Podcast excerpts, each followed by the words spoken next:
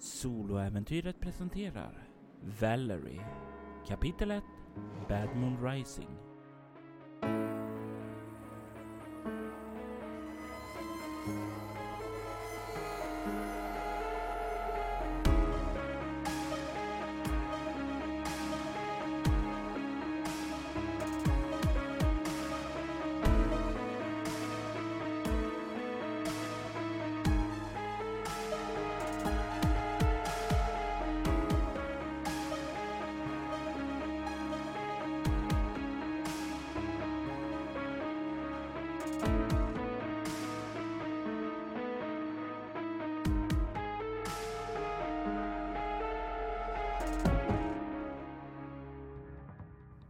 Laissez-moi revivre. Revolvern smäller av och allting svartnar. Valerie har varit trängd, fångad, instängd. Hon har sett saker, hon har upplevt saker, saker som inte borde vara möjliga. Saker som drev henne fram till att göra denna ödesdigra handling, att föra pistolen upp mot sin hjärna och blåsa ut den i lagården. Varför gör du det här mot dig själv, Valerie? Mycket av det som har hänt de senaste dagarna, inte bara har det känts som en, som en mardröm, utan det har känts som en förvrängd mardröm. Så långt ifrån sanningen att det liksom inte går att greppa. Det har liksom varit ofattbart. Allt som hände från bilkraschen egentligen, med det stora odjuret och hur dess monsterlika kropp tog sig mer eller mindre över mig och, och började riva upp mig till att jag vaknade upp i det här mer eller mindre psykopatsekten som Valerie ser det. Eh, med någon form av misstanke om vampyrism och, och, och hela allt det som hände. Även kopplat till ja, men till att få bekräftelse att eh, lupins eller varulvar, vad man än vill kalla dem, finns. Eh, som någonstans stärker hela vampyrtänkandet till, till att hitta Rachel helt blank, helt nästan nollställd som person. Åtminstone det lilla som jag känner till. Till att veta att jag är bortlovad till antagligen den värsta människan jag vet om. En människa jag försökt skaka mig av och göra mig av med sen dess att han gick över så många gränser att jag vet inte ens vart jag ska börja. Och utöver det, jakten på svar, att någonstans möta det monstruösa ting nere i grottan som någonstans bara bekräftade denna mardrömmen ännu mer. Det fanns två saker som var väldigt tydliga för mig där. Och det är just ett, den lilla klingande saken om att jag kommer inte dö, även om jag dör. Och dör jag så kommer jag återuppväckas till något starkare, något som kanske kan hantera den här situationen. Och även om inte det skulle hända så nummer två, att jag får ta mitt eget beslut om min framtid och inte tvingas in i någonting jag verkligen inte vill. Så med de två faktorerna så, så var det här enda valet som jag kände var logiskt. Hur ologiskt det än må låta. Du känner hur någon börjar knäppa upp din blus hur händer börjar smeka din kropp på ett sensuellt och intimt sätt. Du känner en rysning av välbehag gå över kroppen. Du känner läppar som möter dina.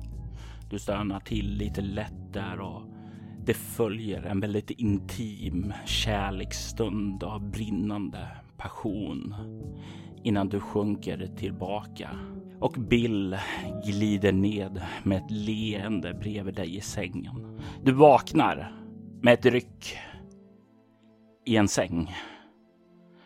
I samma säng som du vaknade förra gången då du hade den här drömmen. Du känner en smärta där. Fast den är mildare än den borde vara i magen. Det känns som någon har kört sin näve rätt in i den. Men att du har blivit omhändertagen. Du är tillbaka i den där lilla cellen som fanns i kyrkan när du vaknade där förra gången. Är jag själv? Eller är Bill bredvid mig? När du kollar runt så ser du att Bill är inte bredvid dig, men du är inte själv.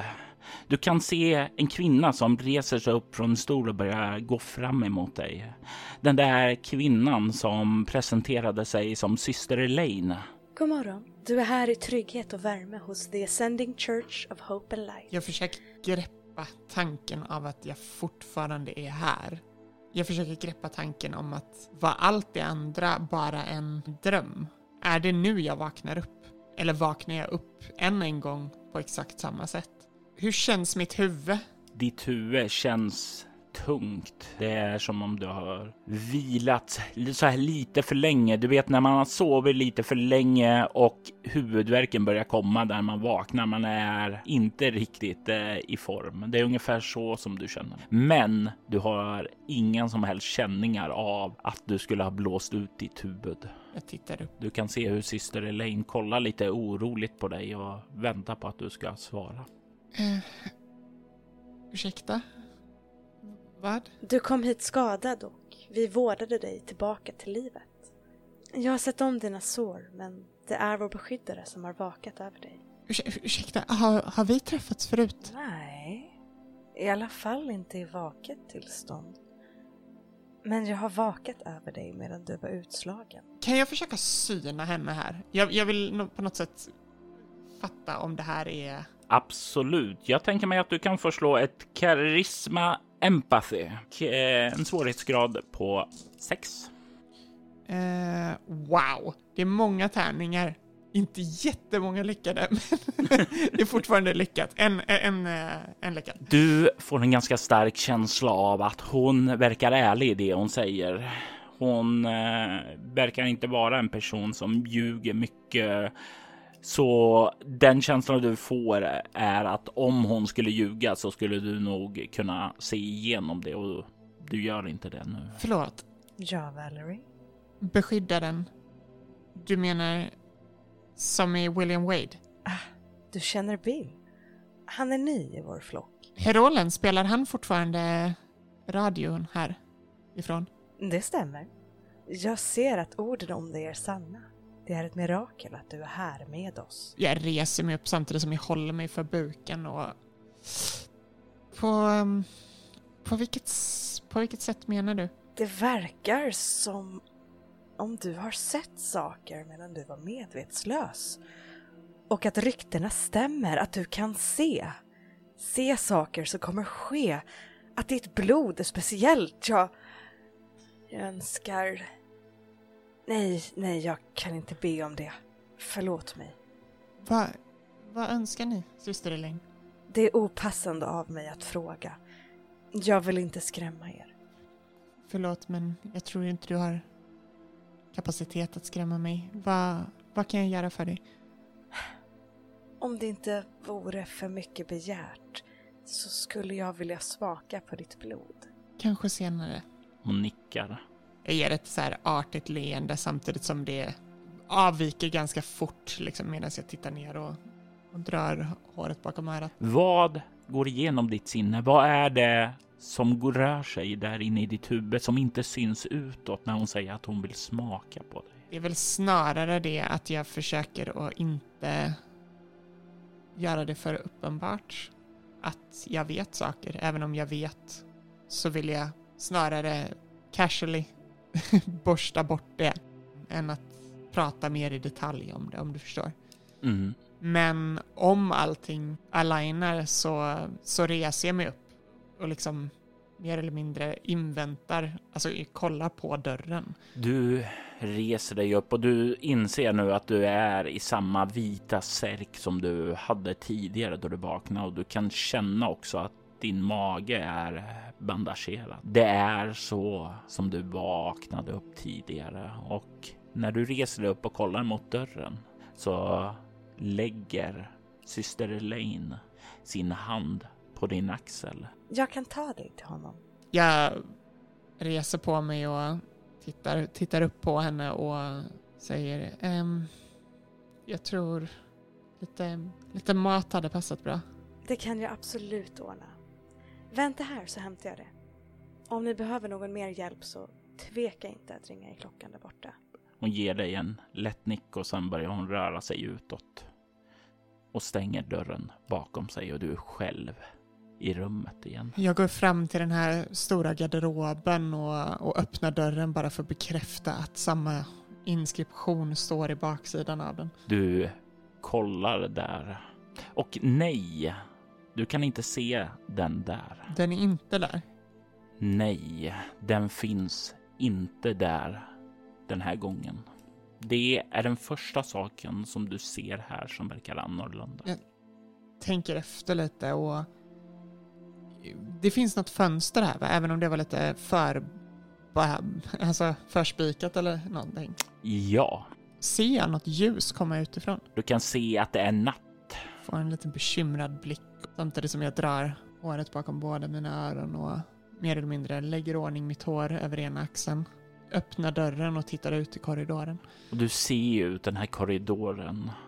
Den korridoren som du får en stark känsla av déjà vu när du blickar ut där. Och återigen så kan du se den här trappan som leder upp och ned.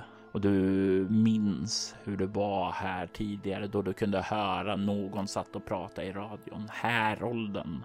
Och du minns ju här också att eh, den här dörren som finns på samma sida som eh, ditt rum är. Det verkar ju vara Heroldens rum. Du var ju tillbaka där sen och kollade in i det och då satt han där. Jag eh, går ut mot det stora rummet. Bara tittar ut utan att liksom skriva in i det utan mer ställa mig i öppningen till det och bara se vad jag ser. När du skjuter upp dörren så kan du se där hur systrarna verkar gå omkring där. Göra sina sysslor precis som förra gången. Men du får en känsla som du inte kände förra gången då du liksom klev ut där. Du känner en närvaro där i rummet som inte fanns där förra gången. Utan att gå ut i rummet så vänder jag mig om för att gå tillbaka mot Heroldens rum. Och det är då du ser hur dörren öppnas och hur syster Elaine kommer ut med en bricka med samma typ av mat som förra gången. Hon ler emot dig när hon ser det, Ah, där är du. säger hon och kliver ut och liksom stänger dörren bakom sig. Jag hör inte Herolden. Är han inne? Det skulle jag tro.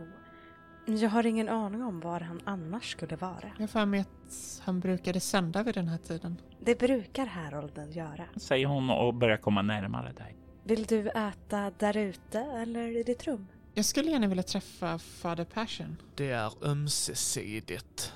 Du kan se att han står där ute och återigen så påminns du av hur lik han är, Mr. C.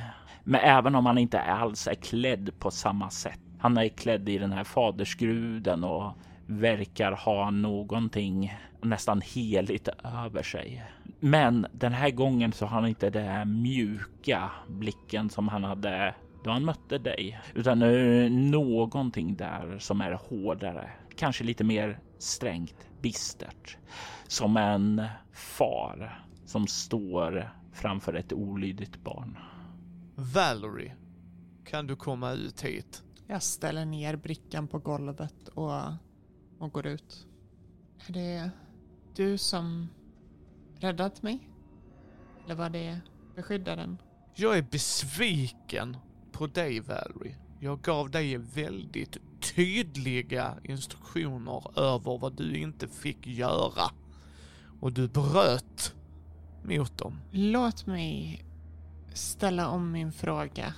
Var det du eller var det Bill som räddade mig? Det är inte vad vi diskuterar nu. Det är det jag talar om.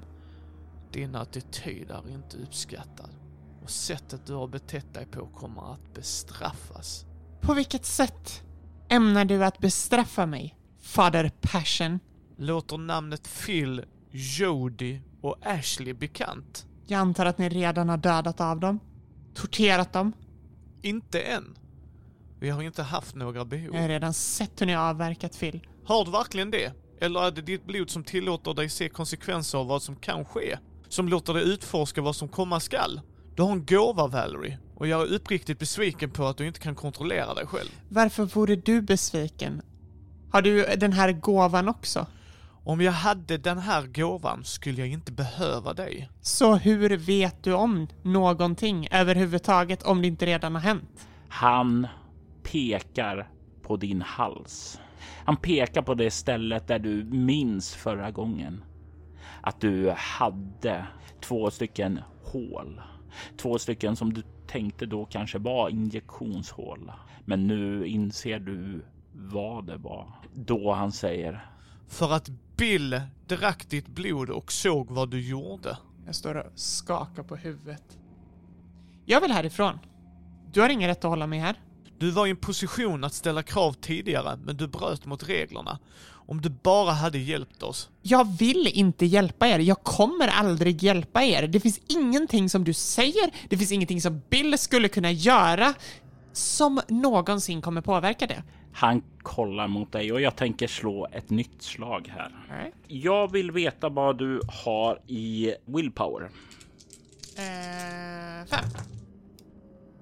När du brister ut i de här orden så kollar han på dig med en besviken blick och just när du börjar känna dig klar så säger han bara Knäböj för din mästare. och återigen så känner du den här bestämda rösten tvinga sig in i ditt sinne att ta kontroll över dig. Hur du börjar att gå ned på knä. Du kan försöka motstå det genom att bränna två stycken willpower points. Jag eh, har en metafråga. Känner jag att jag har kontroll över mig själv och kan prata och föra mig förutom att där händer liksom precis som att om man slår på ett knä så flyger benet upp liksom. Det är lite grann som om musten går ur dig när han säger det. Okej, så, så jag har ingen kontroll över mig själv mer eller mindre? Om du inte känner att Valerie är så uppjagad att hon liksom känner att det inte riktigt biter i henne just nu. Att hennes viljestyrka är för stark. I sådan fall representerar det det kan vara instinktivt du motstår det. Det behöver inte vara en medveten grej. Men då är det willpower som används i så fall. Jag tror nu till en början att jag inte motstår. Och, och det är inte det att jag inte är uppjagad utan det är mer typ att det, det liksom fångar mig lite ur balans. Att det händer direkt liksom. Jag är inte riktigt beredd på det även om jag kanske borde varit det. Så jag faller till knä. Du kan se där hur systrarna där i bakgrunden har slutat med sina sysslor. De har börjat ställa sig upp på rader, ungefär som de gör sig beredda på någonting. Du kan höra bakifrån hur syster Elaine verkar ha slutat andas som hon håller andan för att eh, ja, hon vet inte vad det är på väg. Hon var inte alls beredd på det här och hon verkar inte van att se fader Persson så här uppjagad. Du har ett syfte. Jag hade hoppats att du skulle ta emot vår gåva. Men om du inte vill det utan istället vill alliera dig med ondskan här under så kan vi inte längre ge dig någon frihet. Istället för att vara en jämlike kommer du bli vår slav. Du kan se han kolla ner på dig. Men när han tittar ner på mig så sitter jag liksom på knä och sakta reser mitt huvud upp för att möta hans blick. Och det är nästan som i ren frustration som jag skakar för att försöka liksom bryta ur hans grepp, hans mentala klor. Och ett får fram mellan ett par sammanbitna tänder. Både du och jag vet hur det här slutar. Jag hade så stora förhoppningar på dig.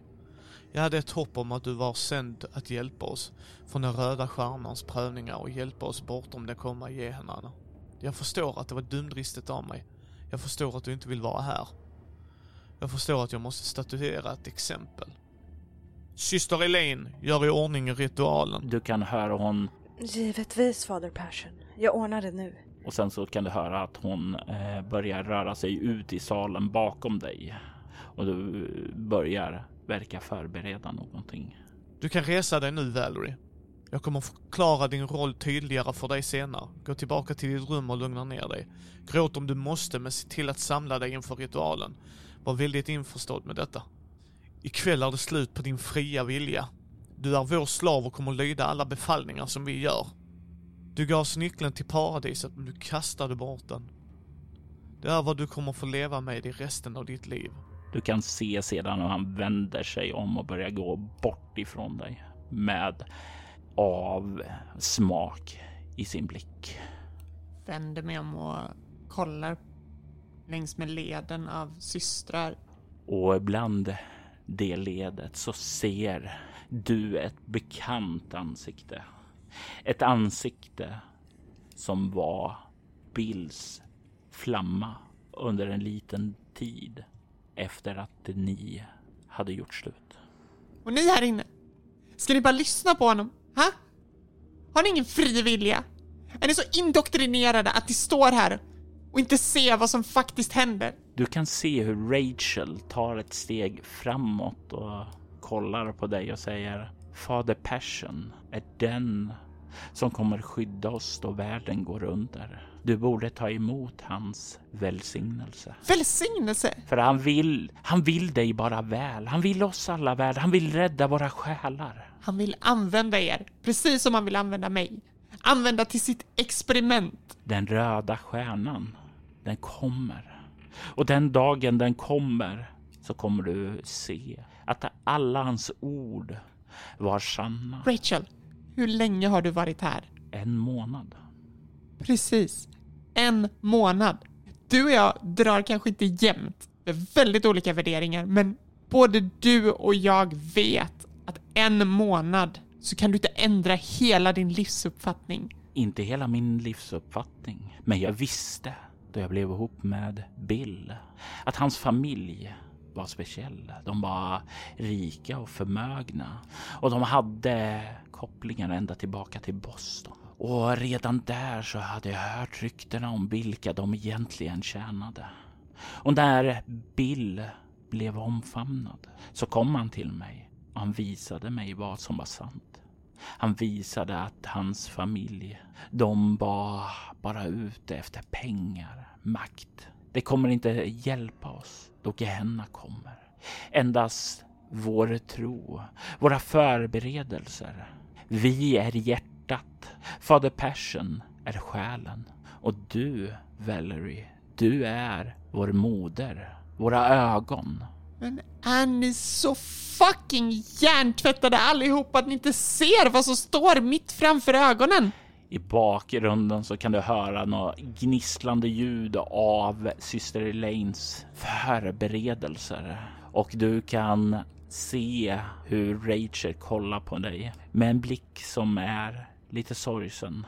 Jag kan se att du är vilsen. Jag kan se att du är rädd. Men oroa dig inte Valerie.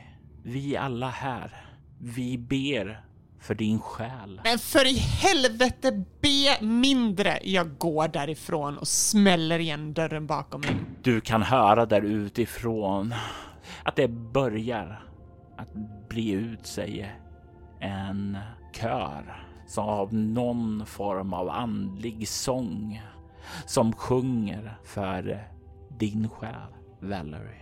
Dörren har slagit igen och du står där i korridoren igen. Du kan se Haroldens rum på vänster sida och du kan även se den här trapprummet som leder både upp och ner på den högra sidan och ditt rum längre bort. Du står nu vid matbrickan du ställer ner här, in, här innanför dörren. Jag pausar i en sekund och liksom tittar ner på matbrickan. Vad ser jag på brickan? Det var väl någon gröttallrik, någon mjölk, kanske någon macka också. Några bestick? Eh, absolut en sked. Det blir lite svårt att äta gröten utan det.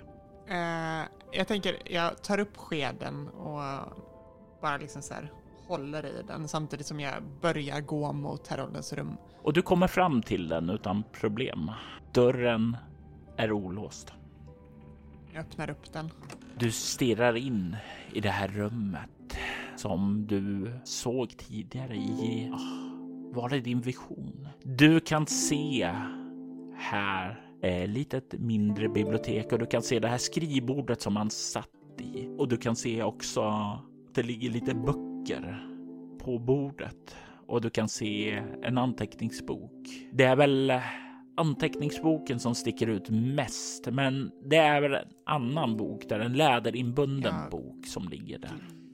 Glansar över lite snabbt vad jag vad ser jag. Du ser en, att det på boken finns ett antal dödskallar, nästan i en cirkel som i sig har ett kryss av dödskallar som delar upp det. Du kan även se att det står The Book of Nod. Jag öppnar upp den lite snabbt bara för att se vad det är. Jag tänker mig att du kan slå ett eh, intelligence eh, academics eller ockult. Difficulty 9 för academics och 7 för ockult. Så har du intelligence, eller? Ja, Eh, jag tar fortfarande academics för jag har inget i ok- ockult. yes. Det är fortfarande en tia. Du bläddrar igenom och det verkar vara skrifter, uråldriga skrifter. Författaren av eh, boken, eller kuratorn skulle man nästan säga, för det här verkar vara gamla texter som är sammanställda och tolkade av Aristotel de Laurent Becket et al. Du kan se att det verkar vara skrifter över någon form av skapelsemyter. Det verkar vara någon typ av historisk eller religiös kanske sammanställning om en vampyrisk historia.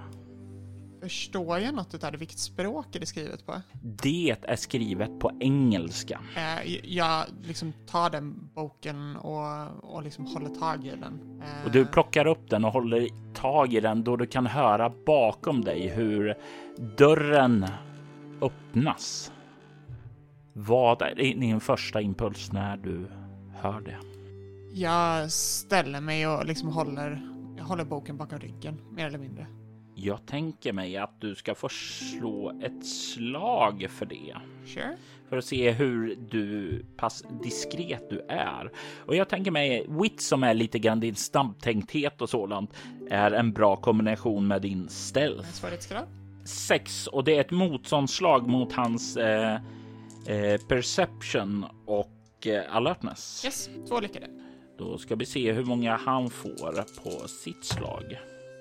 Du kan se att han eh, noterar att du liksom skyfflar undan någonting bakom ryggen. Men han verkar inte bry sig så mycket om det utan han kollar på dig och säger eh, ursäkta. Ja, ehm, förlåt.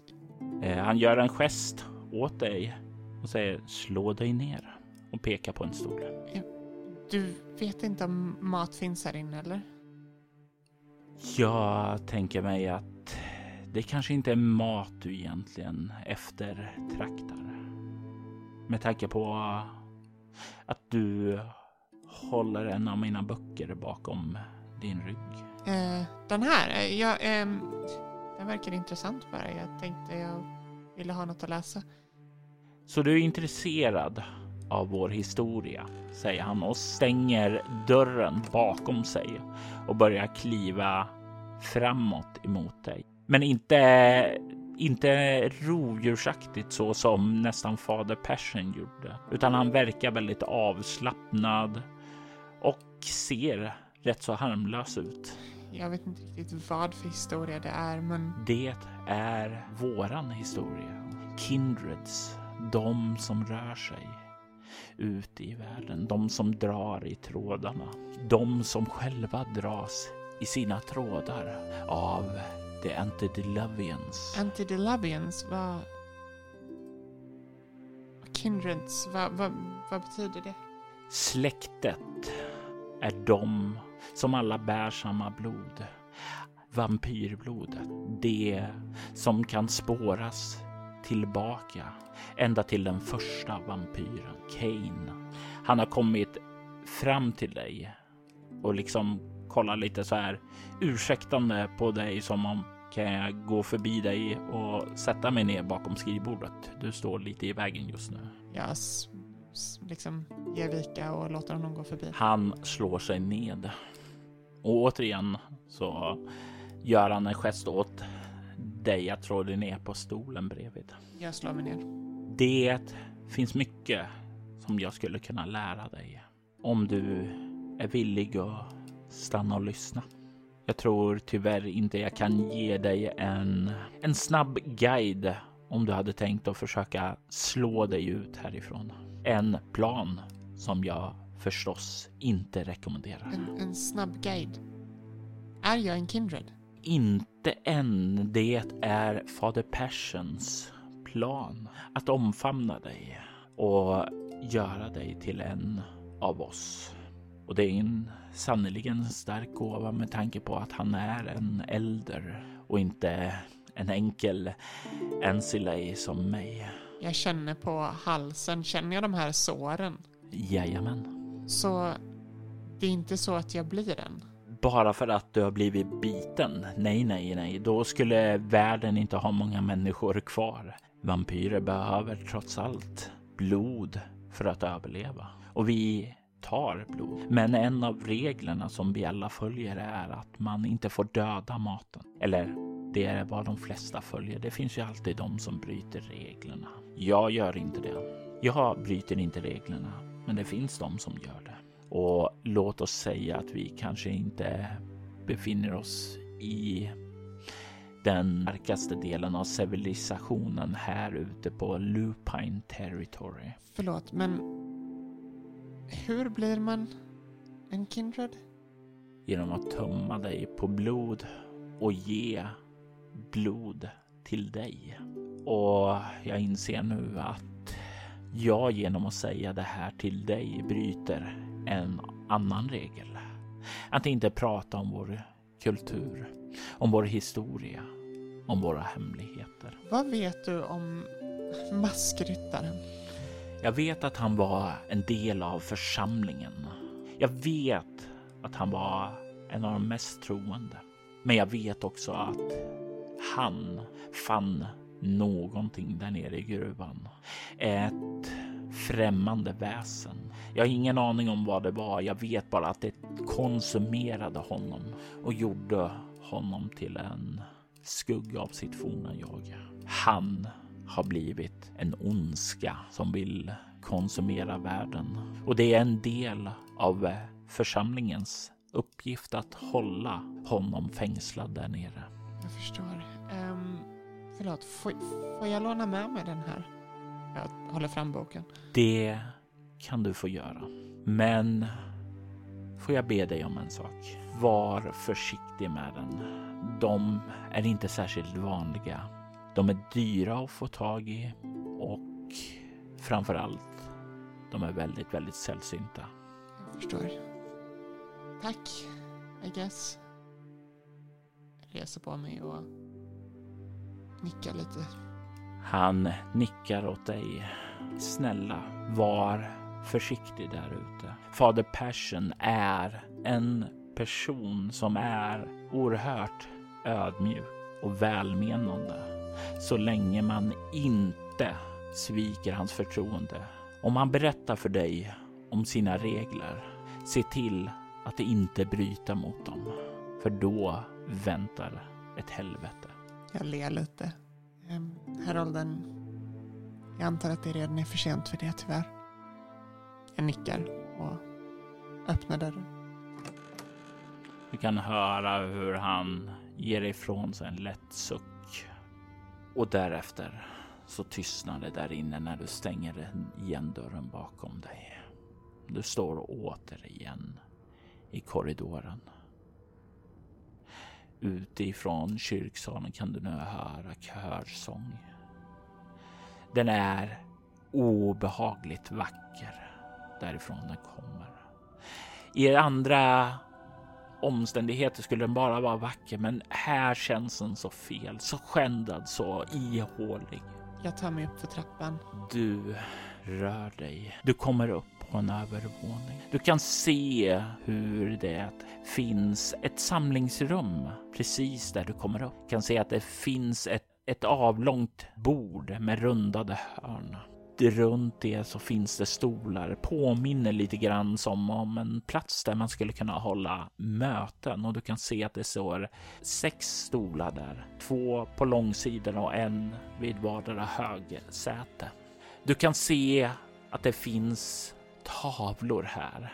Det är nästan bibliska i sina motiv. Och du kan se att det är en bild på fader Passion och du kan se att han är vad att det är i motiv där han verkar som han går runt predikar, att han verkar Ja, du skulle nästan kunna säga att det är som om det är avspeglingen av Jesus Kristus när han går runt och gör mirakel. Men över varje tavla så finns det något obehagligt. Det letar sig in ett omen om ett illavarslande antågande i form av en röd stjärna uppe på himlen.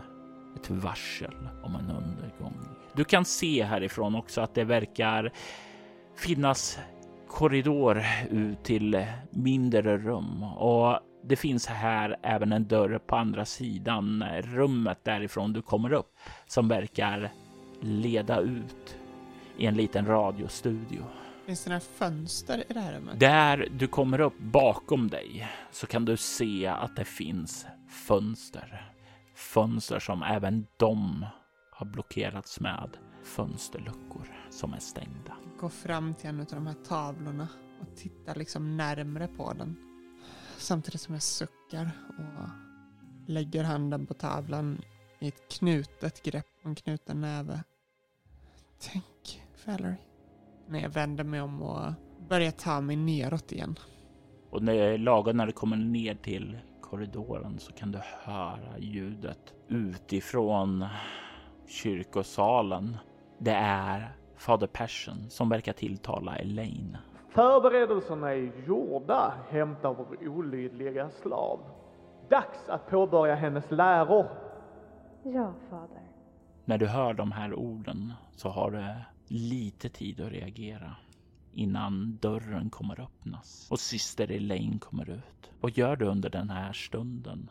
Jag springer in till mitt rum och försöker barrikadera eh, handtaget med en stol. Och det är ju inget problem. Du kommer ju in i ditt rum där ungefär lagom som eh, då syster Elaine öppnar dörren och du får igen den där och du grabbar stolen och kör upp den där så att det ska vara blockerat.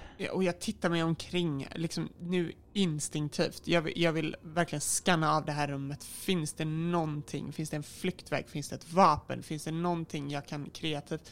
Jag tänker spontant liksom på något halvast föremål, någonting som skulle kunna funka. Eh, ja, det, det, är liksom, det bara forsar tankar förbi just nu. Går det liksom att bända loss plankan eh, eller är det en helt fäst lucka som, som inte går att flytta gentemot fönstren och så vidare? Eh, jag tänker mig att du kan få slå ett Witscraft. Okej. Okay. Eh, och ett difficulty på 6. Och när, om du inte har craft så mår du minus 3. Minus 3 lyckade eller minus 3 på slaget? Minus tre tärningar. Ja, minus tre tärningar. Ja. Då har jag inga tärningar. eh. Jag slog, slog tre tärningar för wits, hade jag, men jag har inget i craft. Så att, eh. Du får alltid slå en tärning då. Okej. Okay. Fan vad synd, eftersom två var lyckade och en var misslyckad. nu måste jag slå om. ah, Okej. Okay. Ah, nej, det lyckades ju inte. Du känner ju alltså, det, hade du haft mer tid hade du kunnat kolla det. Alltså den här eh, det som blockerar fönstret är, det är ju på utsidan. Så okay. det är ju ingenting du kommer åt och du börjar kolla dig runt träd, eh, bred, eh, eh, stolen, kanske stol, men den har använt och det är då du hör att det knackar på dörren. Valerie, det är dags att komma ut nu. Jag tittar på dörren och tittar på stolen. Vad är det för typ av stol? Det är en gammal pinnstol. Är det en sån här med, med ordentliga liksom så pinnar längs med ryggramen eller är det någon som alltså har liksom mer blockat upp om du förstår vad jag menar?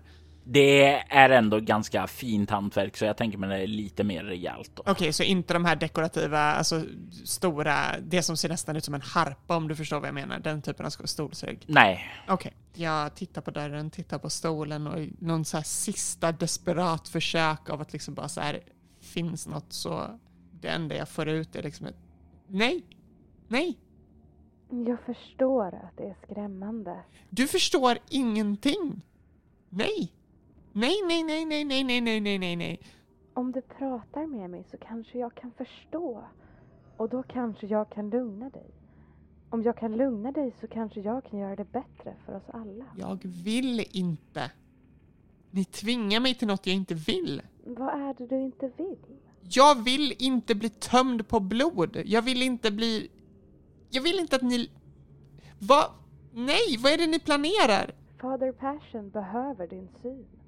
Din förmåga att fånga glimtar av framtiden är någonting som är djupt befäst i ditt blod och det gör dig speciell. En del kallar det för en välsignelse, andra kallar det för en förbannelse. Det handlar om perspektiv och i ditt fall så känns det som en förbannelse och för det är jag väldigt ledsen. Det känns inte som en förbannelse, men det känns som att det är min förbannade kropp. Okej. Okay. Syster Elaine, är du en Kindred? Ja, Valerie. Det är jag. Jag sliter bort eh, stolen från dörren och, och liksom öppnar den och liksom så här, kom in. Hon kliver in, ställer sig en bit bort. Hon gör det på ett sätt som liksom, hon blockerar inte dörren ut, utan hon går och ställer sig en bit in där i rummet för att ge dig lite space. Jag skjuter dit eh, stolen igen framför dörren och sen så drar jag fram min handled och liksom så här, okej, okay, här är din chans. Du frågade mig tidigare. Kan jag få smaka? Ja, om du drar ut hela, allt blod, allt och ger mig en bit av ditt. Jag kan göra det. Det kommer inte vara uppskattat av de andra, men jag är beredd att göra det. Men jag vill vara ärlig med dig. Jag vill vara ärlig och berätta att jag tillhör en klan vampyrer som inte betraktas som vara helt stabil av alla andra. Min klan är förbannad med galenskap och om jag tar ditt blod och ger det till dig så kommer du ärva den förbannelsen. Jag kan inte ge det till honom. Jag kan inte ge det till honom. Jag tror inte det är aktuellt längre.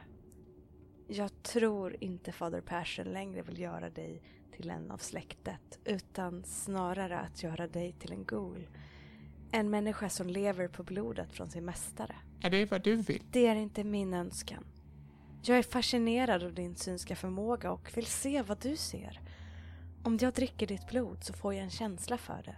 För alla vampyrer som dricker ditt blod får känna det. Jag vet inte var du kommer ifrån Valerie, McCanny, Adrian.